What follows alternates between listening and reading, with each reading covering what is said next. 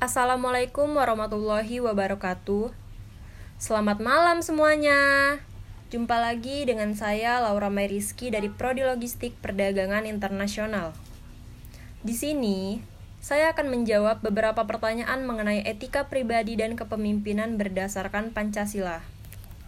Tanpa berlama-lama, mari kita mulai. Pertanyaan nomor satu.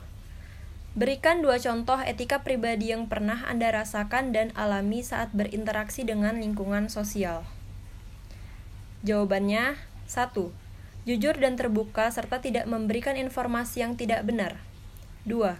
Menghindari konflik kepentingan pribadi, kelompok, maupun golongan. Pertanyaan nomor 2. Apa yang Anda pahami tentang pencitraan dalam praktek kepemimpinan demokrasi di Indonesia? Jawaban nomor 2. Pencitraan merupakan kesan yang sengaja diciptakan dari suatu objek, orang, atau organisasi. Dalam konteks perpolitikan Indonesia misalnya, politik pencitraan menjadi bahasa sehari-hari yang lazim disajikan oleh media massa cetak maupun elektronik. Istilah politik pencitraan semakin kencang berhembus dalam percakapan masyarakat Indonesia ketika kaum akademisi maupun praktisi menjadikannya sebagai bahan diskusi ilmiah dalam berbagai kesempatan. Istilah politik pencitraan dalam perpolitikan Indonesia mulai berkembang sejak berubahnya sistem politik Indonesia dari monopolitik kepada sistem multipartai. Janji politik yang dikemas dengan berbagai bentuk dan disebarluaskan melalui media massa merupakan salah satu bentuk pencitraan politik. Bagi para politisi, pencitraan sangat penting karena dapat mempengaruhi perolehan suara pada pemilihan umum. Jika partai beserta para politisi di dalamnya mampu membangun citra positif, maka besar kemungkinan partai tersebut akan berhasil menarik simpatisme dan dukungan kuat dari masyarakat. Akibat begitu pentingnya citra bagi partai politik, maka dibutuhkan konstruksi atau langkah-langkah untuk membangun dan membentuk citra positif partai politik agar makin mendapatkan kepercayaan dan dukungan dari masyarakat. Era demokrasi, kompetisi antara parpol semakin ketat, sehingga salah satu tugas berat bagi parpol adalah bagaimana caranya agar parpol tersebut bisa diterima oleh masyarakat. Kondisi tersebut kemudian mendorong partai berupaya menguatkan keberadaannya dengan berbagai upaya dan strategi. Ada yang menunjukkan eksistensinya dalam menonjolkan programnya, ada yang menonjolkan ketokohan dalam parpolnya, simbol-simbol, jargon-jargon, hingga singkatan nama. Hal itu semua dilakukan partai dalam rangka politik pencitraan sehingga mampu membentuk solidaritas dan soliditas.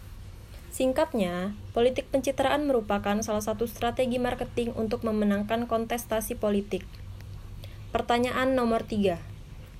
Adakah hubungan timbal balik antara etika dengan pencitraan dalam praktek demokrasi? Jawabannya, ada. Demokrasi tanpa etika akan menggerus kepercayaan masyarakat untuk diwakilkan suaranya dalam praktik demokrasi. Etika demokrasi mengharuskan kepentingan rakyat di atas kepentingan parpol dan kekuasaan semata. Etika demokrasi mengharuskan pemerintah melayani rakyat sebagai para demos yang menentukan hidup matinya demokrasi. Dengan cara tersebut, akan terwujudlah syarat mutlak keberhasilan pembangunan nasional, yakni pemerintahan yang efektif dan stabil sehingga demokrasi bermanfaat bagi rakyat dan bangsa. Pertanyaan nomor 4. Mengapa fenomena tuduhan pencitraan kerap menempel pada seorang pemimpin? Jawabannya, politik pencitraan sering terjadi beriringan dengan pelaksanaan demokrasi sebagai upaya untuk memikat hati masyarakat agar memilih kandidat yang diusung. Namun, pada pelaksanaannya demokrasi yang dijalankan malah kebanyakan menyimpang dari prinsip-prinsip demokrasi yang sesungguhnya atau sering disebut dengan demokrasi semu. Ini yang menjadi kendala ketika para praktisi politis menggunakan cara-cara tidak sehat untuk menduduki kekuasaan. Apalagi menjadikan agama sebagai tameng penguat dari pencitraan politik tersebut. Politik pencitraan lebih kerap ditampilkan sebagai ajang membungkus kebohongan dengan segala pernak-pernik salehan yang artifisial. Pertanyaan nomor 5 Apakah pencitraan selalu bermakna negatif? Jelaskan. Jawabannya, pencitraan mungkin bisa mendatangkan keuntungan dalam jangka pendek. Namun itu tidak ada artinya dibandingkan dengan kerugian jangka panjang yang dapat ditimbulkannya. Sebagai contoh, pada masa kampanye, para calon berlomba untuk memoles citra dirinya sebaik mungkin. Dalam jangka pendek, mungkin ia bisa mendapat keuntungan.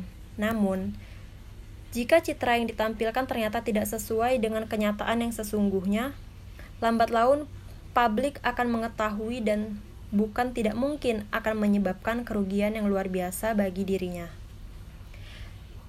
Terima kasih telah mendengarkan podcast saya kali ini. Mohon maaf bila ada salah kata. Saya akhiri, wassalamualaikum warahmatullahi wabarakatuh. Selamat malam.